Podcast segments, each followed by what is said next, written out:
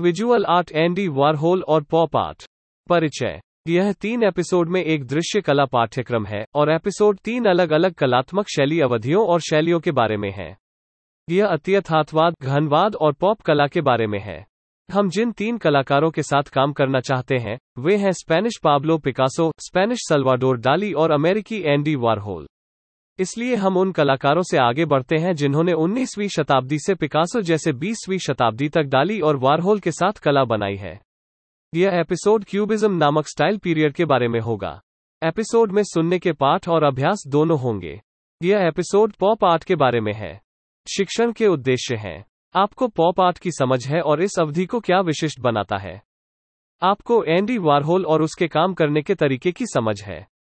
आप pop art शैली में रंगीन पेंसिल या एक्रिलिक पेंट के साथ खुद को अभिव्यक्त कर सकते हैं। तो चलो शुरू करते हैं। इस कड़ी में आप जानेंगे कि पॉप कला क्या है और कला निर्देशन कैसे आया। आपने खासतौर पर एंडी वारहोल के बारे में सुना होगा, जिन्होंने कई अलग अलग तरीकों से पॉप आर्ट बनाया। आपको एक टास्क भी मिलता है जहाँ आपको पॉप आर्ट बनाना होता है। लेकिन पॉप आर्ट क्या है? पॉप आर्ट लोकप्रिय कला का संक्षिप्त रूप है, जिसका अर्थ है लोकप्रिय कला। यह एक कला निर्देशन है जिसे 1960 के दशक में जाना गया। पॉप कला लोकप्रिय संस्कृति के विषयों का उपयोग करती है। यह हो सकता है, उदाहरण के लिए, कार्टून, विज्ञापन, मूर्तियाँ। या सुपरमार्केट से चीज़ें। आज, उदाहरण के लिए, यह कंप्यूटर, मोबाइल फ़ोन, टिकटॉक या सोशल मीडिया हो सकता है। आइए सुनते हैं कलाकार एंडी वारहोल के बारे में। एंडी वारहोल उन कलाकारों में से एक हैं जिन्हें पॉप कला के सिलसिले में जाना जाता है।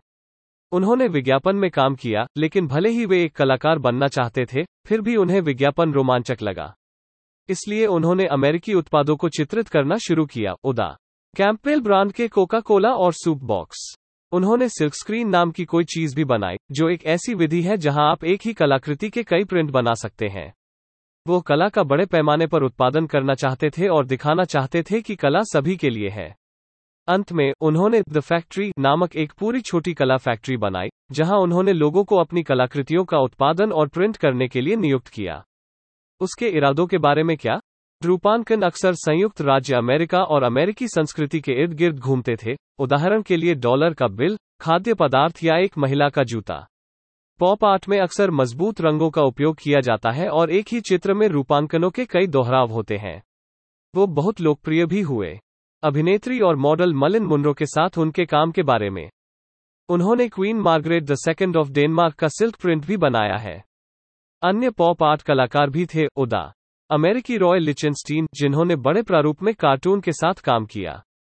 अब हमें एक कार्य हल करना है। अब हमें अपना खुद का पॉप आर्ट वर्क करना है। एक अच्छा मकसद खोजने के लिए हमें वर्तमान में प्रेरणा लेनी चाहिए।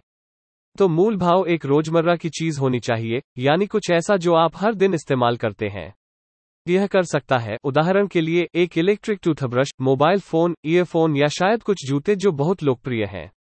एक बार जब आप एक मूल भाव चुन लेते हैं तो आपको इसके लिए और अधिक प्रेरणा खोजने की आवश्यकता होती है। कार्य एक ही कार्य में चयनित दैनिक वस्तु का तीन से चार बार उपयोग करना है, और आपको रंगों को भिन्नता के रूप में उपयोग करना होगा। आप स्केच के लिए पेंसिल और कागज़ का उपयोग कर सकते हैं और तैयार काम के रूप में आप मोटे कागज़ और रंगीन पेंसिल का उपयोग कर सकते हैं। आप आकर्षित करने के लिए कैनवास एक्रिलिक पेंट और या माकर का भी उपयोग कर सकते हैं। यहाँ एक विचार दिया गया है कि आप आसानी से कैसे आरंभ कर सकते हैं। एक, अपनी चुनी हुई रोज़मर्रा की वस्तु के कुछ रेखाचित्र बनाएँ। दो, एक पेपर और रंगीन पेंसिल चुने या कैनवास और एक्रेलिक पेंट चुने।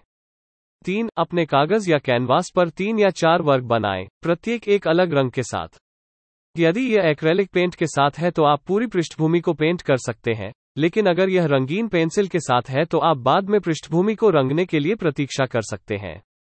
चार, अपने तीन या चार समान रूपांकनों को बनाएँ और उन्हें अलग अलग रंगों में रंगे या रंगे। पाँच, आप सभी रूपांकनों के चारों ओर एक पतली काली रेखा बनाना चुन सकते हैं, ताकि इसे और अधिक कार्टून जैसा बनाया जा सके। जब आप समाप्त कर लेते हैं तो आपके पास अपना खुद का पॉप आर्ट काम होता है, जहाँ रोज़मर्रा की चीज़ें, सुंदर रंग और दोहराव दोनों होते हैं। यदि आप थोड़ा अतिरिक्त बनाना चाहते हैं तो यह उदाहरण के लिए एक टेक्स्ट हो सकता है, जैसे कि आप विज्ञापनों में जिस प्रकार को देखते हैं या आपके द्वारा चुने गए ब्रांड पर। अपनी खुद की पॉप आर्ट कलाकृति का आनंद लें।